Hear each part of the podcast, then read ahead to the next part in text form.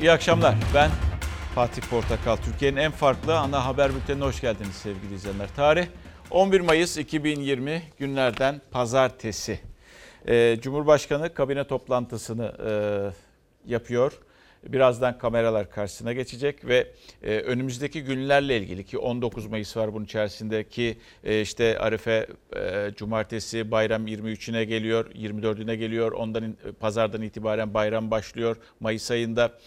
Onunla ilgili neler tasarladıklarını, nasıl bir planlama yaptıklarını, sokağa çıkma kısıtlamasının olup olmayacağını gerek 19 Mayıs için gerek e, bayram günleri için Arefe'de dahil olmak üzere tabii ki e, birazdan bunların bilgisini alacağız. Büyük bir ihtimalle paylaşacaklar çünkü fazla da bir şey kalmadı. Planlaması e, yapılmıştır diye tahmin ediyoruz. Yaşlılar için, 65 yaş üstü için, gençler için, 20 yaş altı için yeni bir planlama var mı?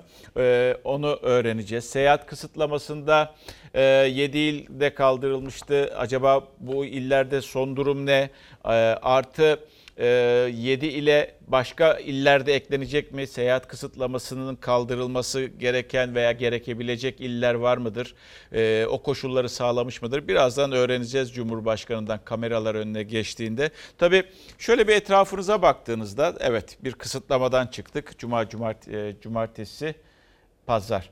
Ee, ve e, şöyle pazartesi oldu. Bugüne şöyle bir baktığımızda aslında e, normal olmadığını belki de görüyorsunuz. AVM'lerin açılması, işte berber kuaförler açıldı, nasıl bir düzenleme içerisinde kontrol ediliyor mu edilmiyor mu bilmiyoruz. Ama sokağa baktığınızda, trafiğe baktığınızda, e, caddelere baktığınızda, insanlara baktığınızda gayet normal. Yani hiç bir anormallik görmüyorsunuz ama normal değil hiç normal değil. Tabela bu akşam hiç normal değil. Birazdan AVM'lerin açılışında kuyruğa bile girenler vardı. Çok komik bir şey. Onu göreceksiniz. Yani AVM'ye susamış insanlar topluluğu olarak da görebilirsiniz. Acaba ne aldılar? Yani orada sıraya girmelerindeki sabah sabah gerekçe ne olabilirdi? Açık havada dolaşmak varken. Şimdi bunları birazdan aktaracağız. Tabii veriler gelecek birazdan. O verileri de sizlerle paylaşacağız. Ama önce Bültene bir spor haberiyle başlıyoruz. Bilgisini vereceğim ve geçeceğiz. Ee, bu bilgi de şu. Biliyorsunuz e, 12 Haziran'da ligler başlayacak gibi görünüyor. Ancak basketbol ve voleybol ligleri bitti. Yani e, tescillendi, tescil edildi ve bitti. Basketbol Federasyonu Başkanı Hidayet Türkoğlu liglerin tescil edildiğini ve şampiyon ilan edilmedi. Küme düşen de yok. Voleybol Federasyonu da ki Başkanı Mehmet Akif Üstündağ bir açıklama yaptı. Eee gerek Westerveni Sultanlar Ligi'ni ve Aksa Sigorta Efeler Ligi'ni tescil ettiklerini ve liglere şampiyon ve liglerde şampiyon ilan etmediklerini e, söyledi. Aynı kararı onlar da aldı. Futbolda soru işareti var ama diyeceksiniz ki aslında cevap buldu. 12 Haziran'da başlayacak e, Süper e, Lig diye biliyoruz e, diye düşünenleriniz çok fazladır. Evet ama değişme ihtimali söz konusu olabilir. Önümüzdeki günlerde gidişata göre, ülkenin gidişatına göre belki Futbol Federasyonu Başkanlığı veya Futbol Federasyonu yönetimi e, farklı bir karar da alabilir. Voleybol ve bas- basketbolda bu kararlar alındıktan sonra ama şu an için futbolda 12 Haziran sonunda her ne kadar soru işareti olsa da e, 12 Haziran liglerin başlama tarihi ne var ki değişme ihtimali de var. İşte böyle bir ortamda voleybol ligleri iptal et, e, tasdik ediliyor, tescil ediliyor, basketbol tescil ediliyor ve bitiyor 2020 sezonu. Tabii AVM'ler, peki AVM'lere bakacağız. AVM'ler bugün itibariyle açıldı. Ve açıldı da nasıl bir e, kontrol mekanizmasına sahip olacak veya gerçekten içerideki o e, hava sirkülasyonu sağlıklı bir şekilde ne kadar bir e, hijyen ortamı sağlanacak onu zaman gösterecek. Ama AVM'lerde restoranlar, kafeler vesaire gibi yerler kapalı. Tabii AVM'ler bugün açıldı. AVM'leri çok seven bir kitlenin de olduğunu gördük ki onlar işte böyle bir pozisyonda sabah sabah e, diyeceksiniz kuyruk neyin nesi? İşte kuyruk AVM kuyruğu ve kuyruktalardı.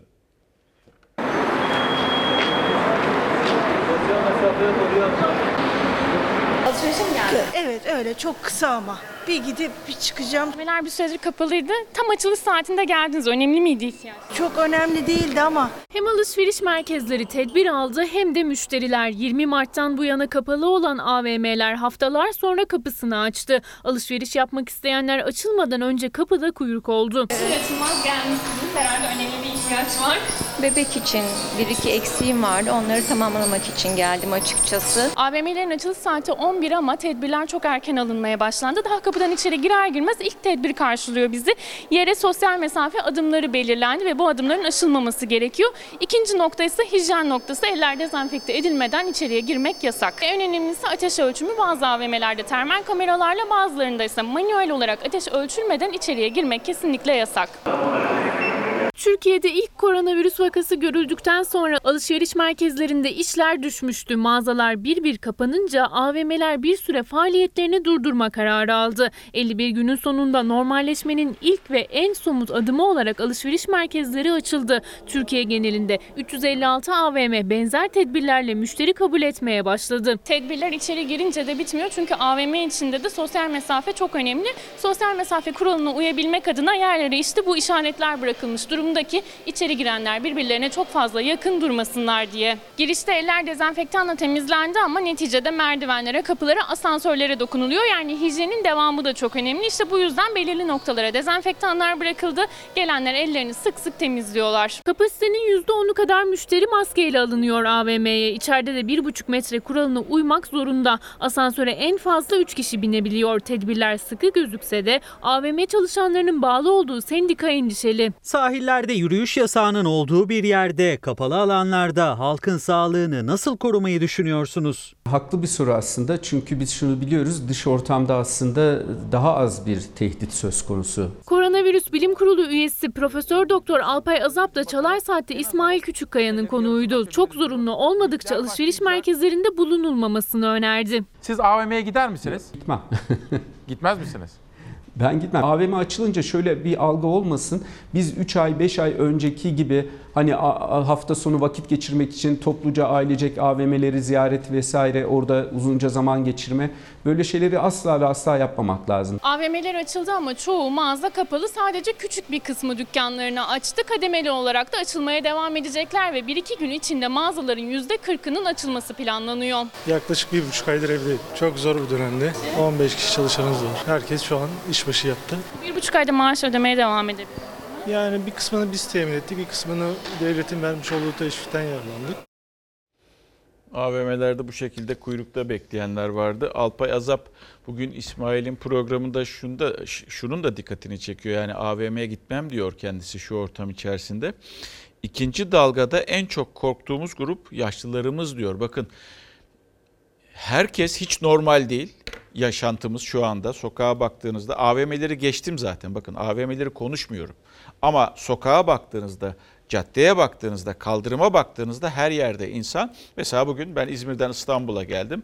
E, yollarda trafik vardı. İzmir'de trafik vardı. İstanbul'a geldim. İstanbul'da trafik vardı. Biraz şehrin içine girdik. Şehrin içerisinde insanlar sokaklardaydı. Araba şehrin içerisinde trafik vardı. Yani trafik %60'lar, %65'ler civarındaydı. Hiç normal değil diye konuştuk. Aslında normal yapmıyoruz şu an için. Önümüzdeki günler umarım e, bizi mutsuz etmez diye e, söyleyeyim. Bir Ercüment Akdeniz'i bugün Evrensel'de bir yazısı var. Dikkatimi çekti. Şöyle diyor. Son kertede geldiğimiz yer hükümetlerin peş peşe Boris Johnson'ın sürü bağışıklığı tercihine onay verdikleri akıl dışı bir e, yer. Sağlık yerine ekonomik faaliyetleri başa koyan bir kumar. Çılgınca bir zar atışı bu. Parkların kapalı ama fabrika ve AVM'lerin açık olduğu Türkiye'de ise 11 Mayıs belki de milat sayılacak. O te- tezatlığı da söyleyeyim ben size. Mesela parkların içerisinde dolaşamıyorsunuz. Polise de emir verilmiş. İçişleri Bakanlığı'nın genelgesi var. Parkların içerisine girmeniz yasak.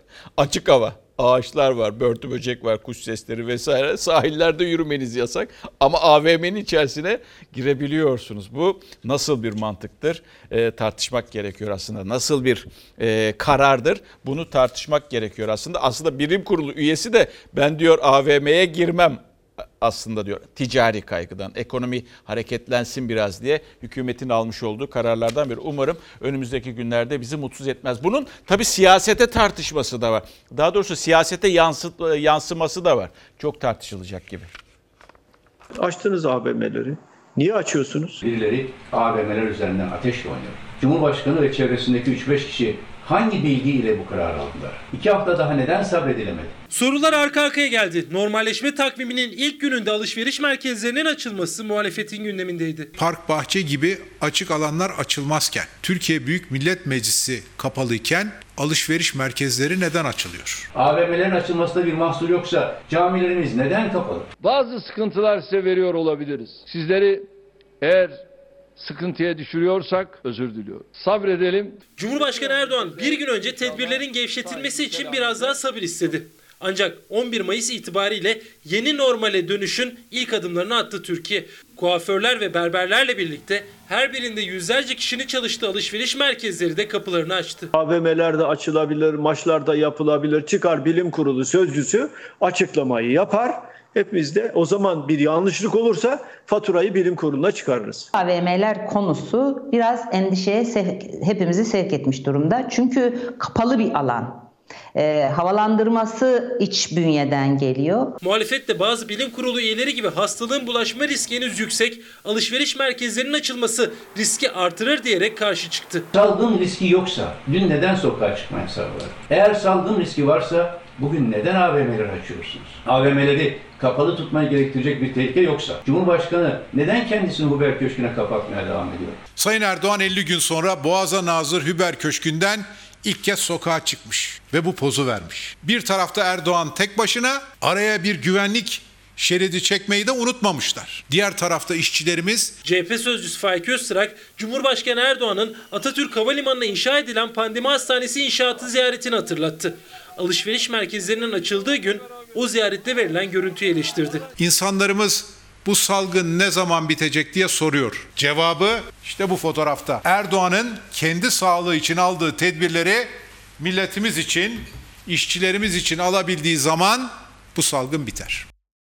Belki önümüzdeki günlerde tekrar düşünülecek, olay düşünülecek ve tekrar karar yeniden verilecek olabilir. Wuhan'da bir ay sonra yeni pozitif bir vaka ortaya çıktı biliyorsunuz. Dünya bunu konuşuyor. Az sonra haberlerde de göreceksiniz. Ki Wuhan bu e, hastalığın e, yayıldığı yerdi. Wuhan kenti kaynağıydı. Bir ay sonra yeni bir pozitif vaka ortaya çıktı.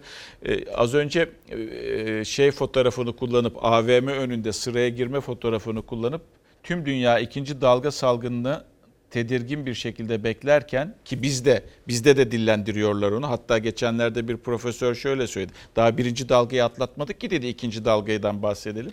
İşte ikinci salgını tedirgin bir şekilde beklerken bu kadar normalleşme demiş. Hiç normal değil diye de eklemiş bu görüntüler. Bunlar hiç normal görüntüler değil. Daha epey bir tartışacağız tabii ki AVM'leri ki önümüzdeki günlerde ne belirleyici olacak peki? Gelen işte, e, sayısal bilgiler Sağlık Bakanı tarafından verilen sağlık e, bilgileri e, korona ile ilgili veriler bize yön gösterecek. Gelelim kuaför ve berberler onlar da zor küçük esnaf olarak çok zordalardı gerçekten. Umarım hayırlı kazançları olur bugünden sonra 51 gündür kapalıydılar 51 gün bakın onlar kazanıp yiyen insanlar. Arttırabilirlerse de e, kenara 3-5 para koyabilen insanlar. Bu şekilde bir esnaf kitlesinden bahsediyoruz. Onlar da hizmette ama işte denetim gerçekten çok önemli. Haydi bismillah. Herkesin bir şekli değişmiş. Müşterilerimizin çoğu çığırından çıkmış bir şekilde geliyorlar. Ee, Ben çok heyecanlıyım aslında birçok bakım yaptıracağım ama bakalım saçlardan başlayacağız. Bütün müşterilerimiz arıyor. Yani bütün internetten her şeyi sipariş verebiliyorum diyor. Ama diyor sipariş veremediğim tek şey berberler. 50 gündür boş kalan randevu defterlerinin sayfaları dolarken fırçaya makasa hasret kalan saçların usta ellerle buluşması kolay olmadı. Çünkü en riskli alanlardan biri olduğu için kapatılan kuaför ve berberler ilk mesailerine bir dizi zorunlu kuralların gölgesinde başladı. Bakanlığımızın ve bizim derneğin uygulamasını istediği bütün uygulamaları yaptık. Örneğin e, tek kullanım önlükleri kullanıyoruz. Bir Covid bildirim tablomuz var. Bunu müşterilerimize okutup imzalatıyoruz. Tam 50 gün önce 5 müşteriye aynı anda hizmet verebilen bir kuaför salonuydu burası ancak yasağın bitiminin ardından başlanan ilk mesai gününde gördüğünüz gibi tek müşteriye randevu sistemiyle hizmet vermeye başladı. Saat aralıkları bırakarak bir müşteri bir müşteri alacağız. Zaten koltuk mesafelerimiz sosyal mesafeye çok uygundu. Bunu da üçte bir oranında düşürmüş olduk. Tek kullanımlık örtüler, havlular, el dezenfektanları ve sterilizasyon makineleri olmazsa olmaz maske eldiven işte bu ekipmanlar olmadan hizmet vermek de yasak. Her müşteriden sonra bütün alet ve edevatlarımızı koltuğumuza kadar her şeyimizi tekrar baştan sterilize ediyoruz. Kuaför salonları yiyecek içecek ikramında bulunamayacakları gibi bir süre daha makyaj, kalıcı makyaj ve cilt bakım hizmeti de veremeyecekler. Berberlerde de durum farksız. Artık öyle çat kapı tıraşa geldim devri sona erdi. Tıraş olmak için gelmeden önce en önemlisi randevu almanız gerekiyor. İçeride de değişiklikler var. Sadece tek müşteriye hizmet veriliyor. Şu anda tekim ve bakıyorum tertemiz. Yeni müşteri dışarıda bekliyor. Bir endişe duymuyorum. Berberlerdeki en büyük değişiklik sakal tıraşında. Yeni kurallara göre sinek kaydı tıraşına bir süre ara verildi. Berberler usturaya, tıraş köpüğüne, tıraş fırçasına veda etti. Sakal tıraşı yasaklandı. Ense fırçalarını kaldırdık. Sakal takımlarını kaldırdık. Ateş ölçümü, maske, eldiven kullanımı, randevu sistemi, tek kullanımlık örtüler gibi sosyal mesafenin korunması da olmazsa olmaz kurallardan. Ama kimi işletmeci bütçesine göre aldığı önlemleri de üst seviyeye çıkardı. Ozon makinesi aldık bir tane. Bütün salondaki mikropları öldürebilecek bir makine aldık. Müşteriler de işletmeciler de alınan tedbirler nedeniyle mutluydu ama bilim kurulu üyesi Profesör Doktor Alpay Azap uyardı. Risk hala çok büyük diyerek. Berberler ve kuaförler AVM'lerden de daha riskli yerler. Fön mesela çok kritik. Gerçekten virüsün havaya saçılmasını e, kolaylaştırabilir. Yine yıkama gibi işlemleri yine evimizde yapmakta fayda var. Alpay Bey uyarıyor. AVM'lerden daha tehlikeli diyor berberler ve kuaförler. Haklısınız. Sizin de tabii çalışmaya ihtiyacınız var. Hem aileniz için hem de yanınızda çalıştırdıklarınız için. Ama hijyen kurallarını denetlemek de çok çok önemli. Ne var ki bir de bilim insanının söylemiş olduğu bu cümle var. AVM'lerden çok daha tehlikeli diye. O yüzden kişi belki de önlemini önce kendisi alması gerekiyor. Kişinin kendi karar vermesi gerekiyor. Mesela Cem demiş ki sorumluluğu halka bıraktılar gibi geliyor bana. İnşallah ciddi bir sorun oluşturmaz. Aslında sorumluluk birinci derecede bizde olması gerekir. Bizi yönetenlerden öte, devletin devletin alacağı tedbirlerden öte biz sorumluluğu yani bu Covid-19 veya işte koronavirüsü olarak yeni koronavirüsü olarak adlandırılan bu hastalıkla sorumluluğu önce biz kendimiz almalıyız. Biz kendimizi denetlemeliyiz. Kendimizi kontrol edebilmeliyiz. Ne kadar yapıyoruz? Ben mesela hiç kimseye örnek vermeyeyim. Kendime örnek göstereyim. Ne kadar gerçekleştirebiliyorum? Yani çok da yani %50, %60'ını belki gerçekleştirebiliyorum. Fazlasını yapamıyorum. Hata mı? Hata. Ama işte insanoğlu maalesef. Şimdi e, yapmamız gereken kendimizi önce denetlememiz. Ve işte denetleme derken çok fazla yapamıyoruz, göremiyoruz zaten onu da. İşte yasak vardı. Cumartesi, pazar yasağı tabii uyacaksanız kısıtlama diyelim biz buna. Ve kısıtlama bitti 23.59'dan sonra e, yeni bir gün başladı. Hafta başı başladı, pazartesi başladı. Sabah uyandığımızda aslında her şey bildiğimiz gibiydi.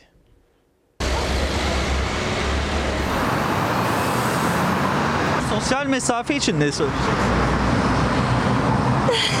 Bir şey diyemiyorum. Hafta sonu uygulanan iki günlük sokağa çıkma yasağı biter bitmez hareketlendi sokaklar. Özellikle de salgını merkezi İstanbul'da hem araç trafiği vardı hem de İstiklal Caddesi'nde gece kalabalığı. Uzmanlar bir kez daha tehlike geçmedi diye uyardı. Sokağa çıkma yasaklarının ne yazık ki böyle bir e, tepkisel bir e, şeyi oluyor. Yani insanlar birkaç gün evde kaldıktan sonra o yasağın kalkmasıyla birlikte tepkisel olarak kendilerini daha fazla dışarıya atıyorlar. Sanki bu sefer de şöyle bir algı oluyor. E demek ki tehlike geçti yasak kalktığına göre. Tehlike kesinlikle geçmiş değil. 24 ilde uygulanan sokağa çıkma yasağından sonra yine salgın öncesinden de kalabalıktı çoğu yer. Sıkılıp yürüyüş yapan da vardı. Otomobiliyle gezen de. Bunu aldık artık bir hava alacağız tekrar eve gideceğiz. Gece hareketlilik yaşanan yerlerden biri de İstanbul'daki sebze meyve haliydi. Önceki haftalar gibi yoğundu ama bu kez tedbirler alınmıştı. Ateş ölçümü yapıldı. Maskesi olmayanlar hale alınmadı. Sıkı denetim olmasa insanlar başıboş gezecek, hastalık çoğalacak. Gün ardındaysa bu kez işe gidiş telaşı başladı. Alışveriş merkezlerinin de açılmasıyla çalışmak zorunda olanların sayısı arttı.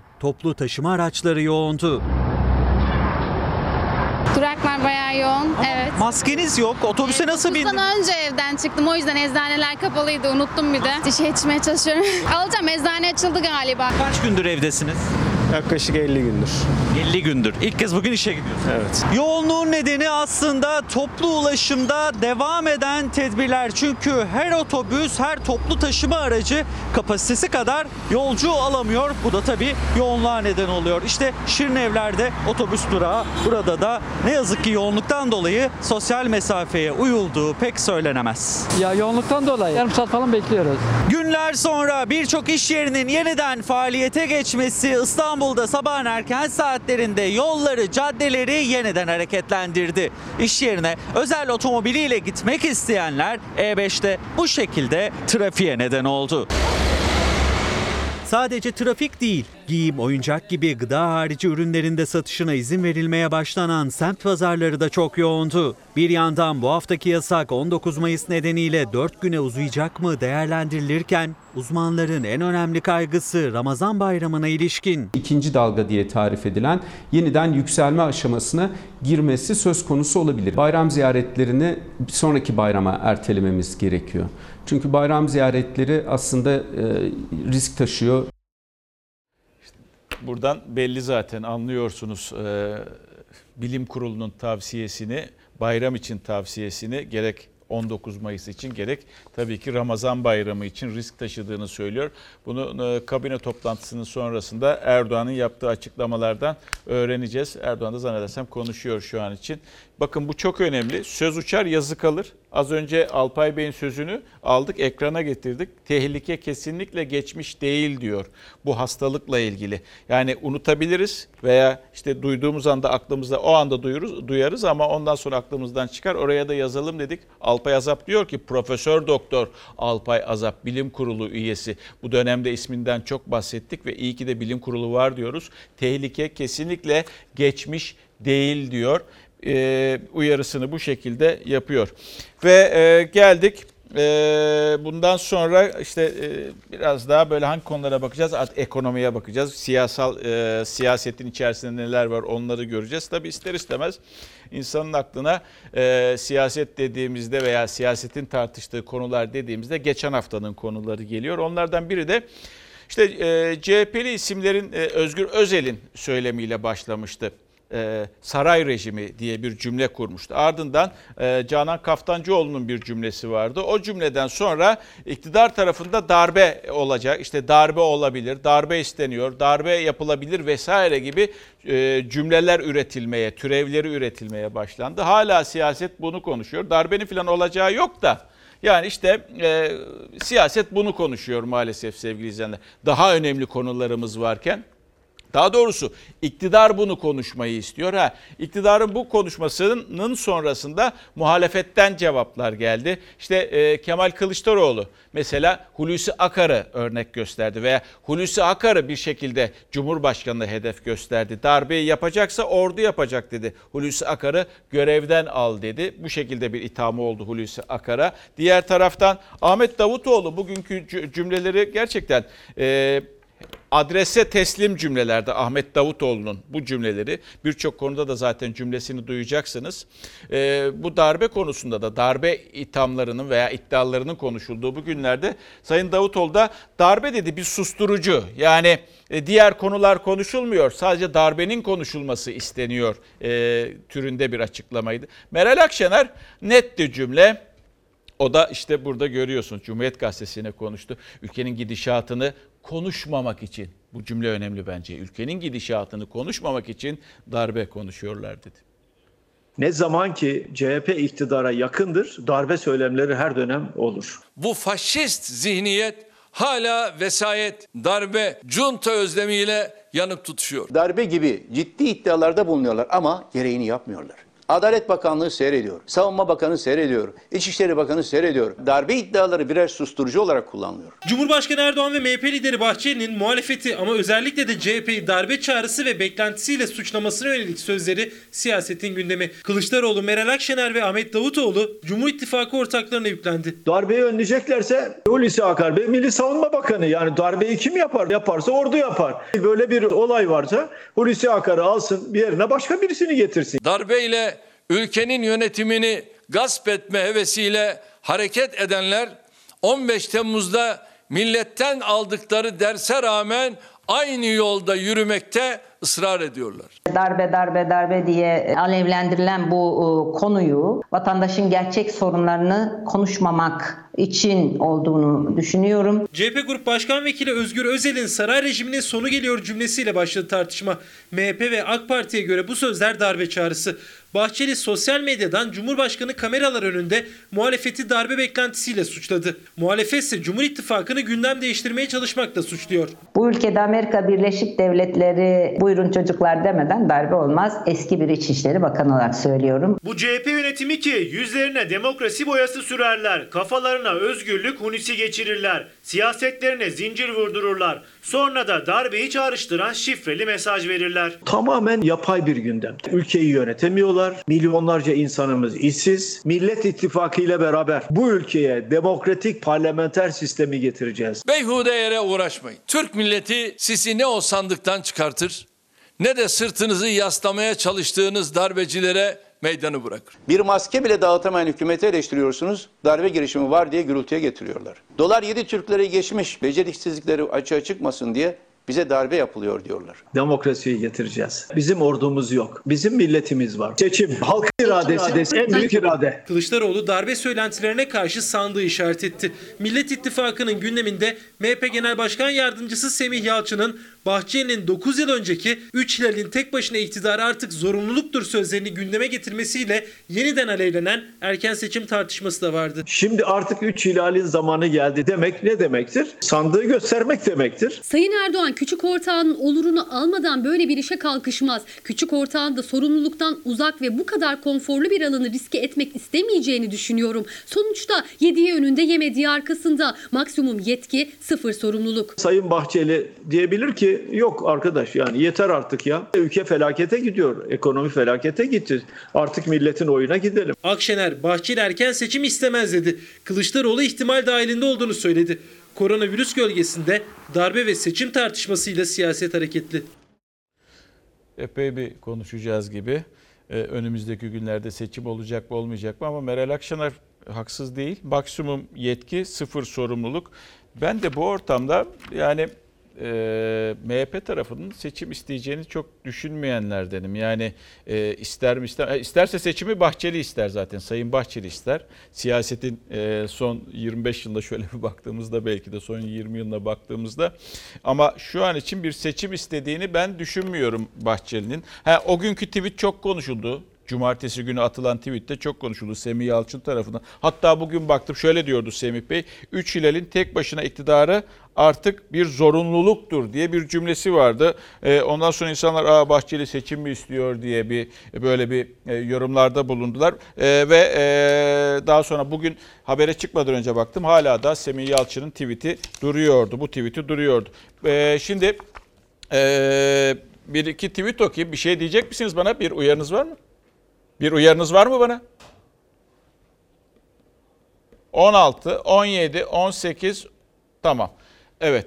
Ee, arkaya da yazalım arkadaşlar bu arada hazırlayın. 16, 17, 18, 19 Mayıs günlerinde sokağa çıkma yasağı olacak. 16, 17, 18, 19 Mayıs. 16, 17, 18 Mayıs. Yani e, yani e, hangi günler oluyor?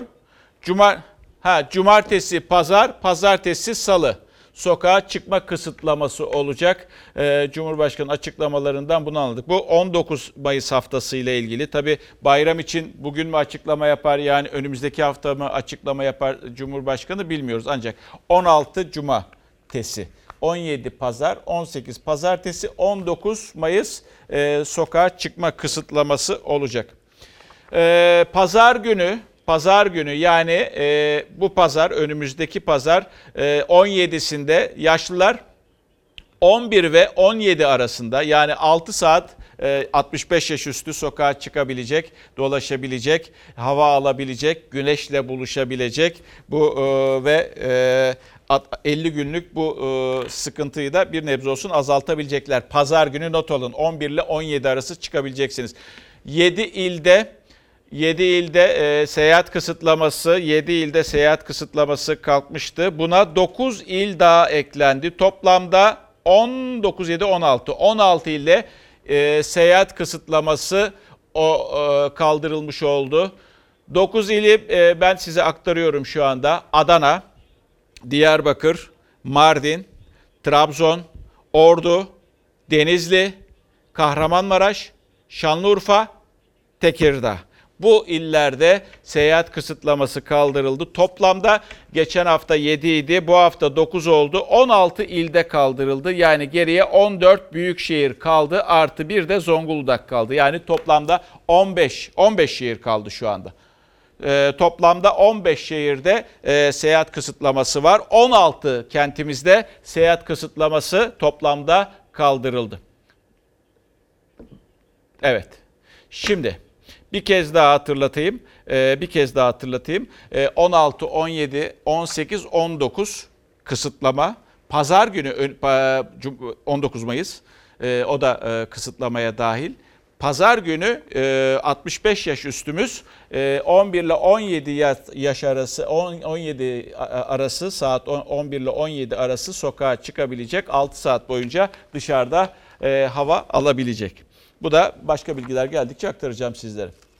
Ve geldik ee, şu e, baroları verelim. Barolardan bir açıklama geldi. O baronun açıklamasını aslında okumakta fayda var sevgili izleyenler. Çünkü biliyorsunuz önümüzdeki günlerde siyaset çok ısınacak. Bu yüzden e, odalar ve baronun seçim sisteminin değiştirilmesi isteniyor. Cumhurbaşkanı bu talimatı bir şekilde verdi. Önce televizyonlardan, kitle iletişim cihazlarından aktardı. Ardındansa ee, bunun konuşulması başlandı ve bildiğimiz kadarıyla baro başkanı günler sonra günler sonra konuştu artık. Konuşmak zorunda hissetti kendini Metin Feyzioğlu ki onun açıklamalarına baktığımızda cuma günü o açıklamaları getirmiştim. Ee, böyle bir hazırlık içerisinde iktidar partisinin olduğunu anlıyoruz. Bugün 50 baro e, Türkiye'deki ortak bir açıklama yaptı. Uzun bir açıklama yaptı. Açıklamanın e, çıktısı burada. Oradan bir bölüm aldım. FETÖ projesi iddiasında Baro şöyle diyor. Bakınız gözlüğü de takayım ki daha iyi görebileyim, daha iyi okuyayım. Yıllardır mesleğimizi ifa ederken yaşadığımız yakıcı sorunlara bir türlü çare üretilmemişken, meslektaşlarımız salgının neden olduğu etkiler nedeniyle iki ayı aşkın süredir ekonomik sorunlarla boğuşurken, avukatların mesleki güvenceleri her geçen gün erozyona uğratılıp savunmanın temsilcilerini dikkate almaksızın yapılan fiili uygulamalar kural halini alırken bir FETÖ projesi olduğu bilinen söz konusu tartışmaların odağındaki baroların yapısı ve seçim usulleri üzerinden yaratılan tartışmaların hangi demokratik gerekçelere dayandırıldığı, varılmak istenen sonucun ne olduğu izaha muhtaçtır diyor. Türkiye'deki 50 baronun ortak yaptığı açıklamada. Baro Başkanı Metin Feyzoğlu hala da ortada gitmeye çalışıyor. Ee, bakalım önümüzdeki günlerde o taslak metin eline geldiğinde e, net bir açıklamayı görmüş olacağız. Ha, 50 baro bunun bilgisini almış ki o taslağın bilgisini almış ki böyle bir açıklama içerisinde bulunmuş. Uzun da bir metin ama hala da Baro Başkanı bir metin önümüze gelsin bir bakalım nasıl olacak. Ee, bize de mutlaka soracaklardır diye açıklaması vardı. Umarım kendisinin dediği gibi olur. E yine e, siyasetten gideceğiz. Bu arada kimi tartışıyor siyaset? E, Maliye Bakanı'nı tartışıyor. Sizce başarılı mı Maliye Bakanı? Ben bu soruyu sorayım. Berat Albayrak ki Erdoğan'da damadı biliyorsunuz. Hazine ve Maliye Bakanı önemli bir bakanlığı temsil ediyor. Sizce başarılı mı? Türkiye'nin yaşamış olduğu ekonomik sıkıntı, ekonomik sıkıntıyı aşmaya çalışırken işte yakalandığımız korona e, belasının sonrasında attığı o adımlar, ekonomik adımlar ne diyorsunuz? Cebinize bakmanız gerektiğini düşünüyorsunuz değil mi? Önemli olan cep. Tabii ama başarılı bulanlar da var. İşte onlardan biri de devlet Devlet Bahçeli çok başarılı buluyoruz dedi. Ahmet Davutoğlu'ndan bir cevap geldi. Bu da enteresandı. Bu ikisi arasında bir tartışma başlayacak gibi önümüzdeki günlerde. Ama tartışma başlasın diye de vermiyoruz. Birisi cümleyi kuruyor, diğeri de onu özneye koyup cevap veriyor. Amacımız tartıştırmak falan değil. Zaten tartışılacak çok konu var ülkede. Bir tanesi eksik olsa aslında hoşumuza bile gider. Başarılı görenler yani e, Hazine ve Maliye Bakanı Berat Albayrak'ı başarılı görenler o da e, işte Devlet Bahçeli başarılı görenler ekonomi cahilidir diyor. Berat Albayrak'a verilen destek. Saray Sosyetesi'nin bir numaralı adamı biliyorsunuz Erdoğan'dan sonra. Berat Albayrak'ın bu memleketin ekonomisine neleri yaptığını hepimiz çok iyi biliyoruz. Bütün bu günahların sorumluluğu onlara destek veren Cumhur İttifakı'nın diğer aktörlerindedir. IMF heyetiyle otel lobilerinde kulis yapanlar Türkiye ekonomisini atıp tutuyorlar. Çok başarılı bulduğumuz Sayın Berat Albayrak'a verip veriştiriyorlar. İktidar ortakları beceriksizliğe gözlerini kapatarak ekonomik başarıdan bahsediyorlar. Bunu başarılı görenler ya ekonomi ya da matematik bilgisinden yoksun cahillerdir ve sınıfta kalırlar. Bahçeli'nin Berat Albayrak'a yaptığı övgüye en sert eleştiri eski Başbakan Gelecek Partisi Genel Başkanı Ahmet Davutoğlu'ndan geldi. İsim vermedi ama MHP liderine ekonomi cahili dedi Davutoğlu. Muhalefet Bahçeli'nin aksine ekonomik tablo kötü, sorumlusu da Berat Albayrak diyor. Dolar kuru 2016 Mayıs'ında 2.90 düzeyindeydi. Temmuz 2018'de 4,91 Mayıs başında 7,10 Türk Lirası. Bu mudur başarılı bulunan tablo? Ağustos, Eylül, Ekim aylarında bol bol döviz alıp 6 liradan 7 liradan niye?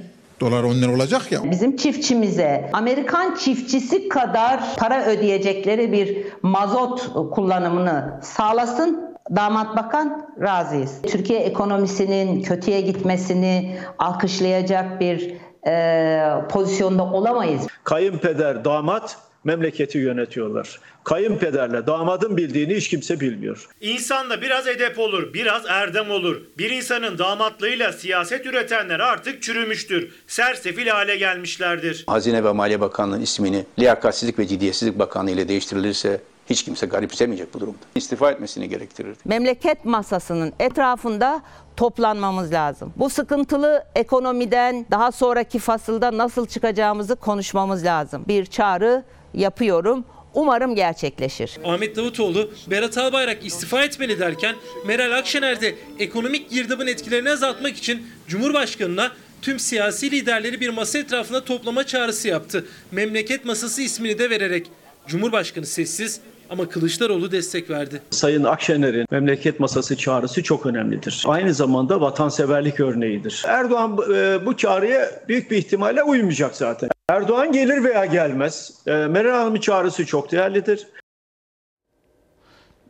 O sorunun cevabını da alayım sizden. Maliye Bakanı'nı nasıl görüyorsunuz? Başarılı mı görüyorsunuz? Ha, tabii ki soruyu sen sordun. Peki sen ne düşünüyorsun? Kaçak güreşme diye de düşünenler olabilir. Yok tabii ben de cevabını verebilirim. Ben çok başarılı görenlerden değilim. Ha, şöyle özetliyorum kendisini. Ekonomi bilgisi mutlaka var. Vardır diye düşünüyorum. yani ama e, genelde tabii iktidarda olduğu için belki de e, süslü cümleler kurmayı çok seven, tünelin sonunda ışık e, var e, cümlesini defalarca kuran, az kaldı e, varıyoruz, hedefimize yaklaşıyoruz, umut dağıtmayı seven e, iktidarda olduğu için bir siyasetçi. Acaba cevabını nereden öğrenebiliriz biliyor musunuz? Berat Albayrak muhalefette olsaydı acaba bu şekilde bir ekonomik yönetim olsaydı, ekonomi yönetimi olsaydı kendisi ne düşünürdü diye. Ben şeye bakıyorum. insanların cebine bakıyorum. Sokaktaki insanların alım gücüne bakıyorum. İnsanların cebine giren paraya bakıyorum ve korona sürecinde sürecinde e, devletin hibe olarak, devlet yardımı olarak vatandaşına ne yaptığına bakıyorum. Benim baktığım bu. geçtiğimiz süreç içerisindeki ekonomik o sıkıntıları da hatırlayacaksınız zaten. İşte zor günlerden geçerken ben çok e, ben çok başarılı bulanlardan değilim açıkçası. Sağlık başarını başarılı buluyorum. Katılırsınız, katılmazsınız. Samimi olduğunu düşünüyorum, şeffaf olduğunu düşünüyorum. Birazdan zaten Sağlık Bakanı demişken e, e, veriler de, sayılar da gelecek. Son sayılar da e, yine Fahrettin Koca tarafından paylaşılacak sevgili izleyenler. Şimdi bir mesaj okuyayım ben. Mesela e, su faturalar çok insanları yoruyor. Ve iki yerden mesaj geldi. Mesela bunlardan biri Kocaeli Kartepe ilçesi, diğeri de İzmir Büyükşehir. Mesela diyor ki Ko- Kocaeli Kartepe'de bugün su faturaları yazıldı. Kimsenin fatura yazıldığından haberi yok. Dışarıya çıkan vatandaş faturaları görüyor. Sayaç okuma yok. Bir önceki faturaya göre fatura düzenleme sistemi de nedir Allah aşkına demiş. Lütfen sesimizi duyurur musunuz? Bir başkası İzmir Büyükşehir'den bahsediyor. İzmir Büyükşehir Belediyesi tarafıma sa- sayaç okumadan bir de böyle bir şeyler moda oldu artık. Sayaç okumadan gönderdiği fatura her aboneye farklı fatura e, yollanmakta. Bunu dile getirebilir misiniz? Fatu- sayacın okunmaması ne demektir diye de soruyor e, yetkililere. Sadece bu iki yerde değil bence birçok yerde de bunlar yaşanmaktadır. O e, İstanbul'daki İGDAŞ olayında da İGDAŞ e, mevzuata uyacak ve hepimize 30 günlük faturalar bundan sonra hazırlayıp gönderecek. Öncekiler de zaten 30 güne göre e, ayarlanacak. Aklınızda olsun. Ve şimdi gelelim e, önce İşkur önden hikayelere devam edeceğiz. Ama önce bir işsizlik, önce bir işsizliği verir misiniz arkadaşlar? TÜİK işsizliği verir misiniz? O işsizlik oranını bir gösterelim. Heh, tamam. Şubat ayı işsizlik oranı açıklandı. %13,6 olarak açıklandı. Şubat ayı işsizlik oranı %13,6. Yüksek. Ve bakın bu Şubat ayından bahsediyoruz. Bunun daha korona sürecine girdiğimiz o ekonomik sıkıntının olduğu süreçlerden bahsetmiyoruz. Mart'tan bahsetmiyoruz. Nisan'dan bahsetmiyoruz. Şubat 2020'nin işsizlik oranı bu. Peki bu işsizler ne yapıyorlar? Yani işsiz olanlar nerelere gidip e, iş imkanlarına bakıyorlar, arıyorlar. İşte onlardan biri Recep Seven. İzlerken, onun hikayesini dinlerken yüreğiniz parçalanacak bir kez daha. Cebindeki parayı gösteriyor. Mutfağa falan hiçbir şey alamıyorum abi. Alamıyorum yani gücüm yok. Cebimdeki parayı göstereyim abi. Onu da ekmek parası için ayırdım yani. Bir tane ekmek parası mı ne var? Ha. İki buçuk lira. Ha. Bugünkü ekmek param yani. 53 yaşında Recep Seven, işsiz, cebinde 2,5 lirayla işkur kapısında. Hastanede çalışıyordum. Bir çıkarttılar. İş arıyorum bulamadım. Zor durumdayım yani. Nasıl geçiniyorsunuz peki? Vallahi işte yok geçim yok. Birkaç ay öncesine kadar hastanede temizlik görevlisi olarak çalışıyordu. Ama artık gidecek bir işi yok. Eşi ev hanımı. Bir de okul çağında kızı var. Ama cebinde dolmuşa verecek parası yok. Ta evden buraya kadar yürüdüm yani. Nereden geldiniz? Ta Gülveren'den geliyorum. Uzak değil mi odası? Uzak ama ne yapayım abi yürüdüm mecburen yürüyeceğim. Çünkü para yok cebimde yani. Dönüşü nasıl yapacaksınız? Ge- Tekrar yürüyeceğim. Recep Seven'in dolmuş param bile yok sözü ironi değil gerçek. Ankara'da dolmuş ücreti 3,5 lira. Cebinde 2,5 lirası var. Onu da ekmek parası için ayırdım yani. Bir tane ekmek parası mı ne var? Yaşım 57, eşimin yaşı 64. İnşaatçı, hiçbir geliri yok. 3 aydır ev kirasını veremiyor. 57 yaşındaki Güngör Çetin de işsiz kalınca kira faturalar birikti. İnşaat işçiliği yapan 64 yaşındaki eşi de çalışmıyor. Ev sahibiyle papaz oluyor. İlle çık diyor. 900 lira. Nasıl vereceğim? 3 sene oldu ben buradan bu yana ameliyatlıyım. Ben kanseri yendim. Doktor bana diyor ki kendine bak ayakta dur. Gıdalı ye. Ben neyle yiyeceğim? Olmayanı neyle yiyeyim? Ostim'de çalışıyordum. Kriz yüzünden çıkarttılar. Takılıyorum amele durağına da. Orada da Afganları götürüyorlar, Suriyelileri götürüyorlar.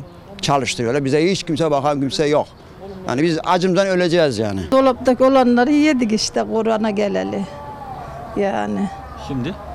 Şimdi de işte Allah ne verirse yok. Akşamı bir iftara bir çorba yiyor falan. Bakkala yazdırıyoruz. Komşu yardım ne hangi bir gün verecek? Korona sürecinde işinden gelirinden olanlar eldeki birikimlerini de tüketti. Artık faturalar kira değil eve bir ekmek götürmek öncelik haline geldi. Evde oturuyor. Kiralarımız birikti. Kaç tane oldu? Yani iş açılırsa ödeyeceğiz. Açılmazsa yok. Zorda kalmayınca parası geziyorum genelde. Bir 10 kuruş isteseniz yok yani. Gerçekten böyle bir hayatım oldu. Yaş kaç efendim? 62 yaşında. İş arıyorsunuz.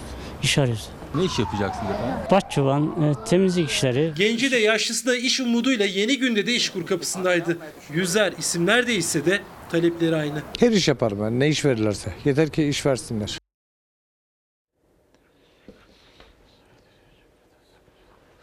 Şimdi bir sizler o haberi izlerken bir mesaj vardı. Barış Bey göndermiş. 4 gün sokağa çıkma yasağı yapacak kadar tehlikeli, AVM'lere gidebilecek kadar zararsız, sahilde yürüyebilecek kadar sakıncalı bir virüs. 3 tane de ünlem koymuş sonrasına. Tabii bazı uygulamalara bakıyorsunuz tutarsızlık olduğunu görüyorsunuz. İşte AVM'lerin açılması, camilerin açılmaması gibi. Efendim kimileri öyle söylüyor. Ee, mesela berber dükkanlarının açılması gibi biraz daha bekleyebilirdi gibi.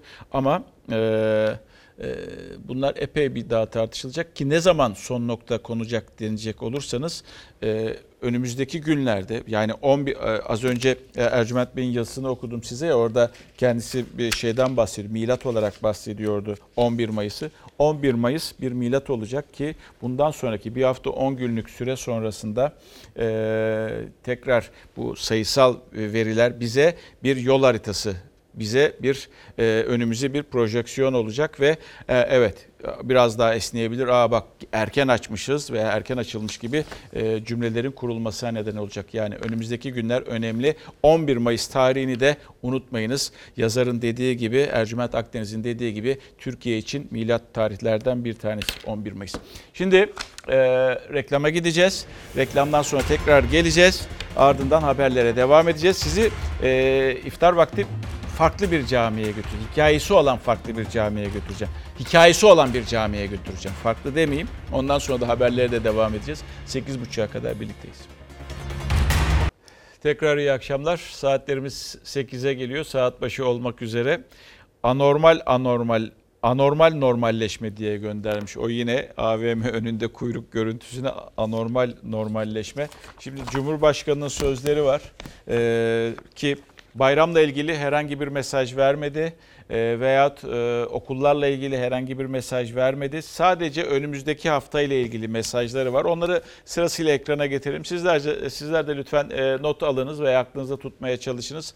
16, 17, 18, 19 Mayıs yani cumartesi, pazar, pazartesi, salı sokağa çıkma kısıtlaması uygulanacak. 16'sından itibaren başlayacak. Devam ediyoruz. Toplam 16 ilde seyahat kısıtlaması kaldırıldı. 16 ilde seyahat kısıtlaması kaldırıldı. 7 il önceden açıklanmıştı. Geçen hafta 9 il şimdi açıklandı. 16 ilde seyahat kısıtlaması kaldırılmış oldu. Geriye de 15 il var. 65 yaş ve üstü 17 Mayıs'ta e, yani e, hangi gün oluyor? Pazar günü. 65 yaş ve üstü 17 Mayıs'ta pazar günü 11 ile 17 arası bu kez 6 saat sokağa çıkabilecek, hava alabilecek, dolaşabilecek, kaslarını açabilecek. E, sizlerle ilgili bir haberdi. 65 yaş ve üstüyle ilgili bir haberdi. Normalleşme adımlarını bu önemli bence ama yani ne kadar e, bunu gerçekleştirebiliriz bilmiyorum.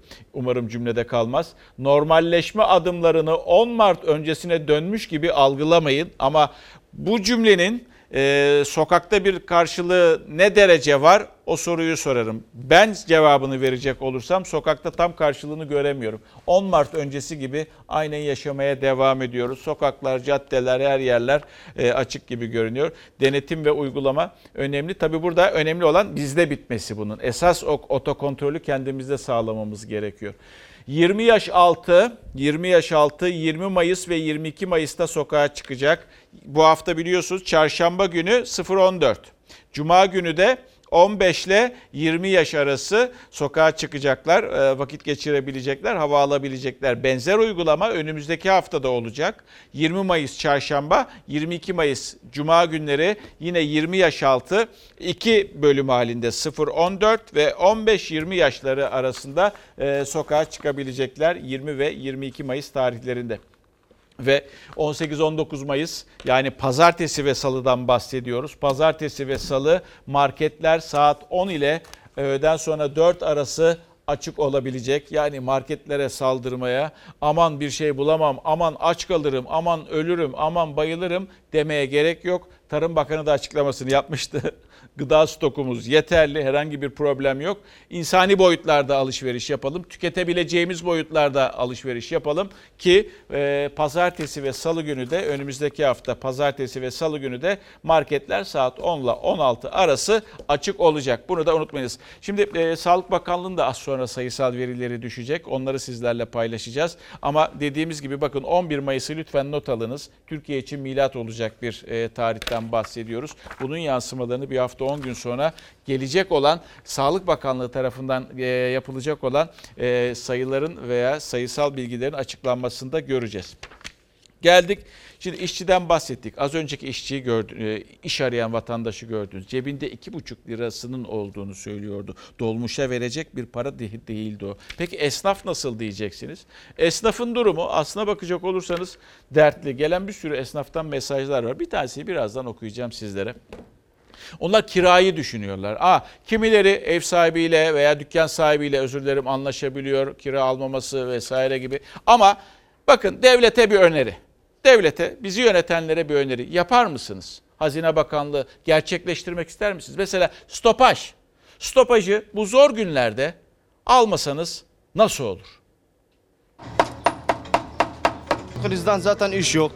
Hiçbir şey yoktu görüyorsun. Dedi yok alacağım kiracağım. Bu ayı vermediyse tamam ikinci ay ikisini ver. Ya yarısını al abi. Görüyorsun çünkü krizden yok abi alacağım. Salgın yüzünden haftalardır kapalı çoğu dükkan. Açık olanlarınsa günleri siftahsız geçiyor. Borçlara bir de ödenemeyen kiralar ekleniyor. Mal sahipleriyle orta yol arayışında esnaf. Mal sahibiyle konuştuğumuzda dükkanı kapatacağız kirayı vermesi yok olur mu vesaire konuştuk onunla. Yok dedi kapatırsanız da ben kiramı yine alırım yani belli bir kısmını verelim dedik yine ona da razı olmadı. Kaç aydır kiranız birik? Şu an kaç ay oldu? İki ay oldu. Üç tane çocuğum var. Bir 7 yaşında, bir 4 yaşında, bir 4 aylık bebeğim var. Diyarboz ve Şiar Koban tam 2 aydır koronavirüs salgını yüzünden kilit vurmuşlardı dükkanlarının kapılarına. Bugün ilk kez açtılar. Ancak bu 2 ay zarfında aylık 20 bin liradan toplam 40 bin lira kira borçları birikti. 8 tane eleman çıktı şu an 2 kişi kaldık. İşletenler kaldı. Aynen öyle. Sadece paket servise izin var. İki ortak en azından kirayı çıkarabilmek için canla başla çalışıyor. Çay ocağı işleten Ercan Atıs da onlar gibi iki aydır kirasını ödeyemiyor. Üstelik borcu on binlerce lirada değil. Aylık 2200 lira. Mal sahibi size bir kolaylık sağlıyor mu? Yok diyor beni ilgilendiren konular değil diyor. Diyor ben diyor siz vermezseniz beni de evden çıkarıyorlar. O da adam da haklı. Mal sahibi de kendi kirasını ödeyebilmek için kiranın peşinde. Yine de bir şekilde orta yolu buldular. 3 ay gecikmeli ödeme yapacak Ercan Atıs. Biriken borçlar için işte diyor kazanacaksın sonra verirsin. Öyle bir anlaşma yaptık. 3 ay geriden geleceğiz abla. Mal sahibine en azından kiranın %50'sini almamasını bekliyoruz. Tamamen de veremeyiz de diyemeyiz çünkü onun da hakkı. O da buradan bir ekmek bekliyor. Başka bir geliri yoktur belki. O da haklı biz de haklıyız. 25 yıllık esnaf Kinyas Uçkan'ı da mal sahibi sıkıştırmıyor. Ancak o da önünü göremiyor. İş yapma şansımız çok az çünkü insanlarda para yok. Kiramızı da ödeyemiyoruz. Mülk sahibi belki bir tolerans tanır belki tanımaz onu da bilemiyoruz.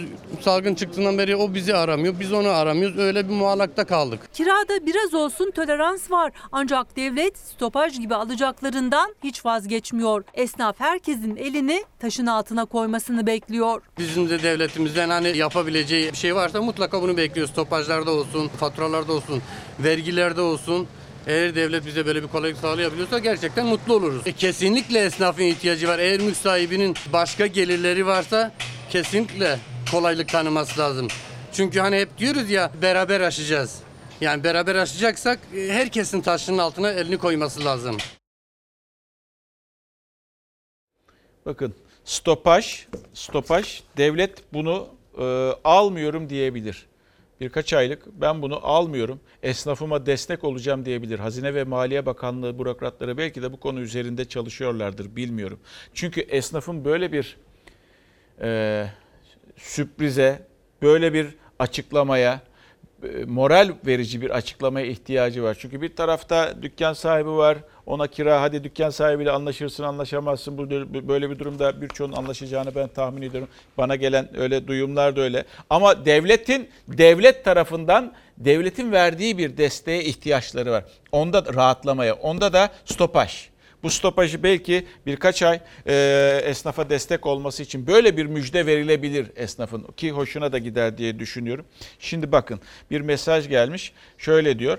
E, biz de zordayız. Barlar, restoran ve kafeler olarak 55 gündür kapalıyız. AVM'ler açıldı ama içindeki kafe ve restoranlar kapalı. Birçok arkadaşımız kira ödememek için dükkanlarını tahliye ettiler. Krediye başvuranlarımız ise hemen hemen bütün sektörde herkesin vergi, vergi borcu olduğu ve sicilinin bozuk olmasından dolayı reddedildi. Böyle bir genelleme yapmış kendisi. Kendi cümleleri o. Çalışan arkadaşlarımıza gelince e, sonrasında açılsak dahi ciddi bir personel sorunu yaşanacak gibi görünüyor. Çalışan arkadaşlarımız bu süreçte kendine iş bulmaya çalışıyorlar. Sektörün durumu iyi değil. Yani yeme içme sektöründen bahsediyorum. Durumları gerçekten iyi değil. Devletin bir katkıya ihtiyacı, devletin bir e, e, desteğine ihtiyacı var bu insanların. Orada da ilk akla gelen zaten stopaj oluyor. Bakarsınız bugün yarın bir ekonomik e, destek programı, yeni bir ekonomik destek programı açıklayan yaşanabilir. Onda da biz stopajı esnaf için belki görebiliriz. Hoşlarına da gider. Ve geldik. Şimdi ne yapıyoruz? Ha, e, biliyorsunuz Türkiye sağlık turizminde önemli bir yere sahip ve bu korona süreci boyunca da e, ilk günlerde açıklamıştı Cumhurbaşkanı. ikinci veya üçüncü e, ulusa sesleniş programıydı. İki yerde dedi o zaman salgında e, önemli bir pik noktaya doğru gidiyorduk. Yükselen bir e, evresi vardı. Ve iki yerde dedi, biri Sancaktepe'de yanlış hatırlamıyorsam, diğeri de Atatürk Havalimanı içerisine biz pandemi hastanesi yapacağız. Salgın hastanesi yapmaya başladık. Bin yataklı dedi. Tek bir kat üzerinde olacak dedi ve daha sonra da başladı. Ve İstanbul'daki Atatürk Havalimanı'nın işlemeye her an için hazır pistlerinin olduğu yer kazıldı. Hastanenin bir bölümü oraya yapıldı. Şimdi Cumhurbaşkanı dün söyledi bu cümleyi. Bunun çok tartışması oldu bugün için. Ee, Atatürk Havalimanı'nı dedi sağlık turizmi için kullanacağız ve o pistlerin durumuyla da ona bir e, bütünlük kazandırdı. Ha, bu arada Kemal Kılıçdaroğlu ne dedi diyeceksiniz. O da israf dedi. Ha bir de Ahmet Davutoğlu var. Cümlesini duyduğunuzda, cümlesini duyduğunuzda mantıklı diyorsunuz gerçekten. Hangi sağlık turizmi diye ekliyor. Bizim burada başka hesabımız var. Nedir o? Sağlık turizmine yönelik bu her iki yeri de yurt dışından gelenler ambulans uçaklarla gelecekler ve buralarda tedavilerini yapıp Ondan sonra uğurlayacağız. Hangi sağlık turizminde Allah aşkına? Söyleyin hangi sağlık turizmi? Bu Sahra Hastanesi değil, birilerine kaynak aktarma. Salgın Hastanesi'nin Atatürk Havalimanı'ndaki pistin üzerine yükselmesine tepkili muhalefet. Cumhurbaşkanı Erdoğan hesabımız başka dedi. Yer seçiminin sağlık turizmine yönelik bir adım olduğunu söyledi. Muhalefetin tepkisi ise dinmek bir yana daha da alevlendi. Yeni bazı dedikodular üretmeye başladılar. Çünkü bunların ufku çok ama çok dar. Muhalefetin vizyonu dar demiş. Covid-19'dan sonra dünyadaki insan hareketlerinin ve özellikle hasta hareketlerinin kısıtlanacağını düşünürsek böyle iki tane büyük hastane yatırımı yapmanın ekonomik kriz içerisinde boğuşan bir ülkede anlamı var mıdır sorusunu sormamız gerekir. Türkiye bu noktada sağlık üssü olma görevini yapacaktır. Aylarca dünyada kimsenin uçağa binmek istemeyeceği, değil başka ülke, başka şehre gitmeyeceği küresel bir salgın döneminde. Boş terminal binaları yerine Atatürk Havalimanı'ndaki pist tercih edilmişti salgın hastanesi inşaatı için. 45 günde bitirilmesi planlanan bin yataklı hastane iyice görülür hale geldi. İnşaat tüm hızıyla sürerken tartışması ise bitmedi. CHP ve Gelecek Partisi liderleri ekonomik gidişat vurgusuyla israf yapıldığını ileri sürdü.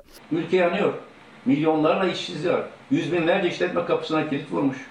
Her bir kuruşun hayati değeri var. Tam bu sırada kimsenin anlamadığı şekilde hazır binalar dururken sıfırdan bina yapmaya kalkıyorsunuz. Yani yapılan tamamen boşu boşuna Yine bir kaynak savurganlığı, yine bir israf örneği. Erdoğan'ın ilk kez sağlık turizmi için demesinden bir gün sonra muhalefet de açıklamadan tatmin olmadığını dile getirdi. Alın size, size bir yönetememe, önünü görememe, ön görememe ve basiretsizlik sorunu daha. İstanbul mazeret değil, hizmet bekler. Niyet başka bir şey. Birilerine para aktaracaklar. Ve ihalesiz verdiler. Kaça verdiklerini ben bilmiyorum. Şimdi tabii güzel bir şey aslında. Yani eğer ilk başta da böyle düşünüldüyse yani bundan bir ay önce Cumhurbaşkanı iki pandemi hastanesi kuruyoruz dediğinde de kafalarında bu düşünce varsa güzel bir şey. Havalimanı var, işte e, uçaklar inebilecek vesaire. Ama ben olduğunu pek tahmin etmiyorum. Bu fikir sonradan gelişmiş kafalarında. Olsa zaten yani onu Atatürk Limanı, Atatürk Havalimanı içerisindeki mevcut yerlerde yapmaya çalışırlardı. Kim prefabrik hastaneye gelecek? Tek katlı, bin yataklı öyle bir hastaneye kim gelmek ister ki? Büyük bir ihtimalle fikir sonradan gelişti diye düşünüyorum. Ve e, bundan böyle önümüzdeki günlerde Atatürk Havalimanı'nın o e, geçmişte kullanılan kapalı binaları, şey ka, e, kapalı yerleri, o binalar e, hastaneye dönüştürülebilir. E, yani lüks ve e, gerçekten içinde havalimanı da olan bir sağlık turizmine yönelik bir hastane olabilir. Neden olmasın? Ama bundan bir ay önceki fikirlerin olduğunu değil, sonradan böyle bir düşüncenin geliştiğini düşünenlerdenim ben. Önemli olan ülkeye e, sağlıkla birlikte tabii ki dövizin de girmesi burada. Önemli olan o insanların da hizmet alması, istediği hizmeti de alabilmesi. Şimdi bir mesaj okuyayım. O mesaj da şöyle. Çünkü çok konuşuluyordu bu da. E, iki Erkan Bey göndermiş. İki vaka çık, ilk vaka çıktığında sadece ama sadece iki hafta genel karantinayı uygulasalar, uygulasalardı, uygulayacaklardı. Sonra bölgesel karantina olabilirdi. Bugün her yer insan doluydu. Bakın etrafınıza gerçekten insan dolu. Hiç de normal değil. Bugün bu akşamki tabelada olduğu gibi. Ee, bugün her yer insan doluydu. Üç gün yasak sonra e, serbest. Bu iş böyle uzar durur. Hiç normal değil demiş. Hiç normal değil bu görüntüler. Umarım önümüzdeki günlerde herhangi bir sıkıntı yaşamayız. Ee, e, sayısal veriler geldi mi diye açıklayan bir arkadaşımız var. Soru soran bir arkadaşımız var. Henüz daha gelmedi. Sağlık Bakanlığı henüz e, sayısal verileri e, paylaşmadı. Geldik. Tabii burada biliyorsunuz hemşireler önemli ve e, alkışlanması gereken alkışlanması gereken gruplardan biri, kitlelerden biri ve hani cephe diyorsak buna korona cephesine karşı en önde e, mücadele eden insanlardan biri ve bugün 12 Mayıs Hemşireler Günü. Sağ olun. Düzenli kullandığınız bir ilaç var mı? 8.1 ateş. Koronavirüsle mücadelenin kahramanları onlar. Cephe önünde savaşan beyaz melekler. Çok iyi Allah size razı olsun. Tamam yapalım. Devletimize razı olsun. Allah çok iyi bakıyorsunuz. Covid-19 salgını başladığı günden bu yana hemşireler olağanüstü bir çaba harcıyor. Hayat kurtarmaya çalışıyorlar. Hem de canları pahasına. Burası pandemi hastanesine dönüştürülen İzmir Bornova Türkan Özilhan Devlet Hastanesi. Hemşireler hastaneye adım atar atmaz önce koruyucu kıyafetlerini giyiyor. Onlar için acil servise gelen her ambulans yeni bir yaşam mücadelesi demek. Koronavirüs hastalarını dikkatle teslim alan hemşireler onları yaşama bağlamak için zamanla yarışıyor. Beyaz melekler kimi zaman bir yetişkini, kimi zaman da bir bebeği sağlığına kavuşturmak için elinden geleni yapıyor.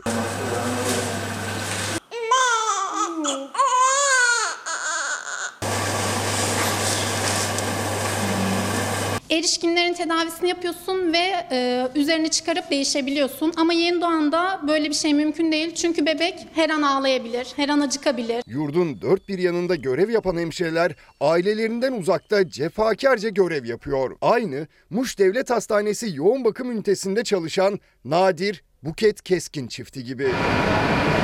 Gün geçtikçe iyileşen hasta sayılarımızın artması bu zorlu süreçte en büyük motivasyon kaynağımız oluyor bizim. Genç çift görevlerinin ne kadar zor olduğunun farkında. Bu süreçte birbirlerine hem cesaret hem de destek veriyorlar. Bu işi yaptığım için çok çok mutluyum. İnsanlara yardım etmenin bin bir türlü yolu var.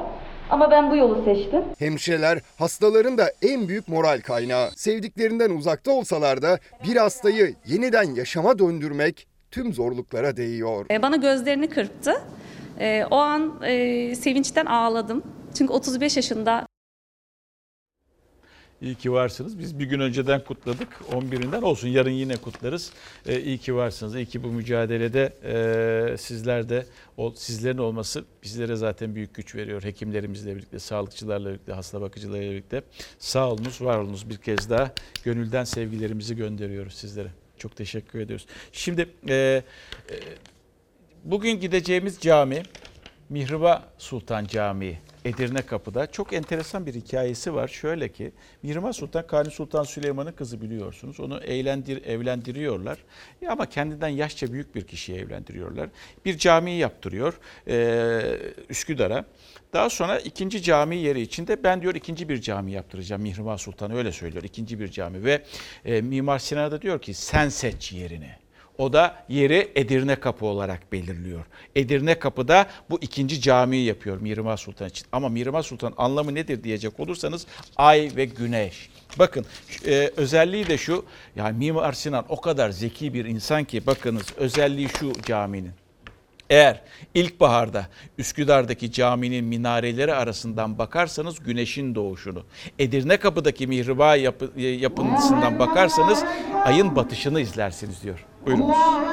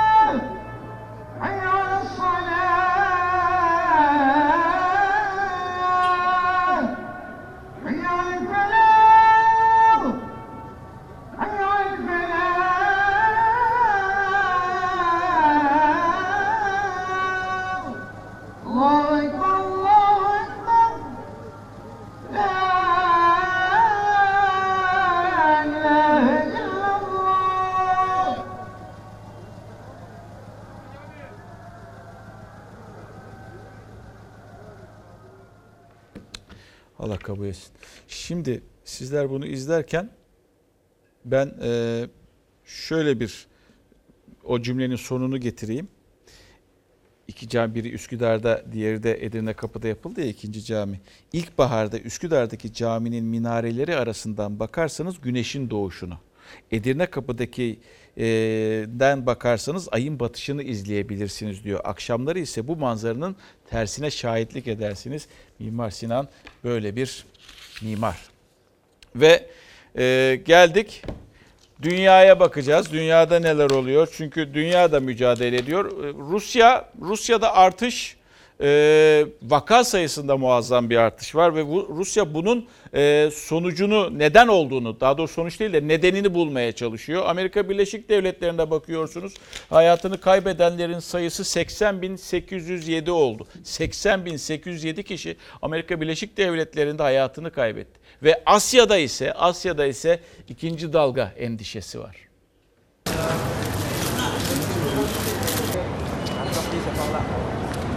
Avrupa'da normalleşme süreci hızlandı. Birçok ülkede okullar ve iş yerleri yeniden açıldı. Amerika'da son 24 saat içinde ölümler yarı yarıya düştü. Asya kıtasını ikinci dalga endişesi sardı. Covid-19 salgınıyla mücadele eden ülkeler kısıtlamaları hafifletiyor. Normalleşme süreci tartışılırken dünyada can kaybı 285 bine yaklaştı. 4 milyon 200 bin kişi koronavirüse yakalandı. 80 bin can kaybının yaşandığı Amerika'da son 24 saat içinde 751 kişi yaşamını yitirdi. Bu rakam bir gün önce 1417 idi. Avrupa'da en çok ölümün yaşandığı İngiltere'de Başbakan Boris Johnson normalleşme için yol haritasını açıkladı. İlk olarak inşaat ve fabrika çalışanları işe dönecek. Halk parklarda güneşlenebilecek, açık havada spor yapabilecek. Fransa 53 gün sonra sosyal mesafe kurallarına uyma şartıyla serbest dolaşıma izin verdi. Toplu taşımada maske takmak zorunlu hale geldi. Kreş ve ilkokullar isteğe bağlı olarak açıldı. İspanya'da sıkı tedbirleri hafifletti. Restoranlar yeniden açıldı. Virüsün etkisindeki başkent Madrid ve Barcelona'da kısıtlamalar gevşetilmedi. Almanya'da iki hane halkının buluşmasına izin çıktı. Hijyen ve sosyal mesafe kurallarıyla tüm mağazalar müşterilerine kapılarını açtı. Yunanistan normalleşmenin ikinci aşamasına geçti. Parakende mağazaları ve liseler açıldı. Kısıtlamaları kaldıran ülkelerin aksine Brezilya'da gidişat kötüleşti. Can kaybı 11 bini aştı. Salgını daha önce ufak bir gribe benzeten devlet başkanı Bolsonaro sosyal mesafe kurallarına aldırış etmedi. Gölde jet ski kullandı. Asya ülkeleri için salgında ikinci dalga tehlikesi büyüdü. Güney Kore'de vakalar bir ay sonra artmaya başladı. Başkent Seul'de son 24 saatte 35 vaka tespit edildi. 29 hastanın gece kulübüne gittiği ortaya çıktı. Çin'de de benzer bir artış yaşandı. Salgının çıktığı Wuhan'da 3 Nisan'dan beri ilk kez vaka görüldü. Ülke genelinde ise bu sayı 17'ye yükseldi. Şulan kenti karantinaya alındı. Virüs salgını ülke ekonomilerini de vurdu. Suudi Arabistan Temmuz ayından itibaren KDV'yi 3 katına çıkarma kararı aldı. Geçim yardımının da askıya alınacağı duyuruldu. Bu arada işte kimileri KDV ile ilgili e, düzenlemeler yapıyor, vergi ile ilgili düzenlemeler yapıyor vesaire. Ek vergi geldi. Altın, mücevher, buzdolabı, çamaşır makinesi, klima ve birçok başka ürüne ek gümrük vergisi ek gümrük vergisi getirildi. 30 Eylül'e kadar %30 olarak uygulanacak vergi sonrasında %25'e düşürülecek ithal ürünlerde ya yani ithalden bahsediyoruz gümrük e, ithalden bahsediyoruz. Altın, mücevher, buzdolabı, çamaşır makinesi, klima ve birçok e, başka ürüne getirilen e, ek gümrük vergisinden. Az önce e, Kocaeli, e, özür dilerim e, İzmit, e, Kartepe ve İzmir Büyükşehir Belediyesi'nden bahsetmiştim. Su faturalarının yani bakmıyor musunuz arkadaş sayaçlara ne için bakmıyorsunuz diye. E, işte onlardan gelen bir mesaj İzmir'den gelmiş. Şöyle diyor koronavirüs sürecinde bu su sayaçları okunamıyor okunamıyor.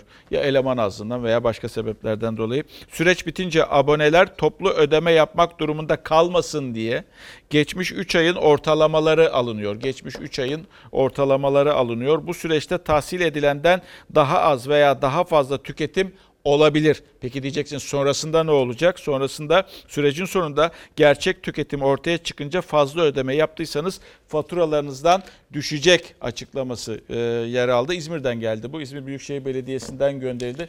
E, bir de şu mesajı okuyayım. Cumhurbaşkanı'nın e, müjdeleri arasındaydı bu korona belası yaşandığı günlerde. En düşük emekli maaşı 1500 TL olacaktı ama hala artış yok diyor bir vatandaş. Lütfen bu konuya dikkat çeker misiniz lütfen demiş. Teşekkürler. Hatta e, kendi emekli maaşının da e, bir fotoğrafını göndermiş. 1400 küsür liralık bir maaş ama Cumhurbaşkanı açıklamıştı ki en düşük emekli maaşı 1500 lira olacaktı. İBB Meclisi'nde geçen gün size Cuma günü Ankara Büyükşehir Belediye Meclisi'ni vermiştik. Bugün de e, İstanbul Büyükşehir Belediye Meclisi'ni e, vereceğiz ve olağanüstü toplandı. Bu to- uzunca bir aradan sonra çünkü işte e, e, İBB Başkanı e, valiye e, gitti. Validen toplanmasını istedi ve bu şekilde bir karar çıktı. Peki ne damgasını vurmuş olabilir sizce İBB Meclisi toplandığında? Ekrem İmamoğlu şeytan kovalamaktan e, namaz kılmaya vakit bulamıyor. Ne travmaymış. Atlatılamadı gitti. Aslında Meral Hanım cümleyi yanlış kullandı. Bizim başkanın namazda gözü yok ki ezanda kulağı olsun diyecekti. Siyasi çukura düştü bu lafınız onu söyleyeyim. İstanbul Büyükşehir Belediyesi'nin olağanüstü toplantısına bu gerilim damgasını vurdu. İyi Parti lideri Meral Akşener'in sözlerinden yola çıkarak Ekrem İmamoğlu'na yüklendi Tevfik Göksu. İstanbul Büyükşehir Belediyesi'nin AK Parti Grup Başkan Vekili Göksu'ya İmamoğlu önce cevap vermeyeceğini söyledi ama sonra siyasi çukur çıkışında bulundu. Kulağa ezanda olmaz misali benzetmesi daha önce yaptığı benzetme gibi iyi puan kaybettirir Tevfik Bey'e. Ama o, o bir siyasi çukurdur. Siz devam edin orada. Salgın döneminde sık sık İstanbul Büyükşehir Belediye Meclisi'ni toplamak istediğini, AK Partili üyelerin ise engel olduğunu söylemişti Ekrem İmamoğlu. Sonunda meclis olağanüstü toplandı. Maskelerle sosyal mesafe korunarak yapılan toplantıda iki ismi karşı karşıya getiren yalnızca Akşener'in sözleri değildi. Yüksek gelen doğalgaz faturaları da Tevfik Göksu'nun gündemindeydi. İlk faturalarında olduğu gibi İstanbul'a tarihi evet bugüne kadar yaşamadığı zamlı faturalara gönderdikleri gibi kendi iş yapamamalarının önüne perde olarak bizi ve AK Parti hükümetini çekmesin. Hepsi iftira. Hayır hayır hiç kimse Hepsi iftira, hepsi iftira. Ben başkanım Evet. merak etmeyin ben kimseye iftira atmam.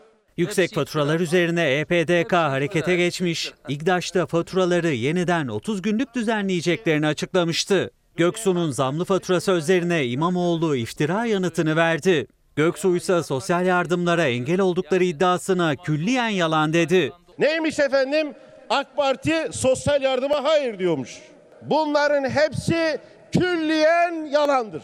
Salgınla mücadele nedeniyle bütçede yaşanan sıkıntıyı giderebilmek için İmamoğlu 4 milyar 200 milyon liralık borçlanma yetkisi istedi.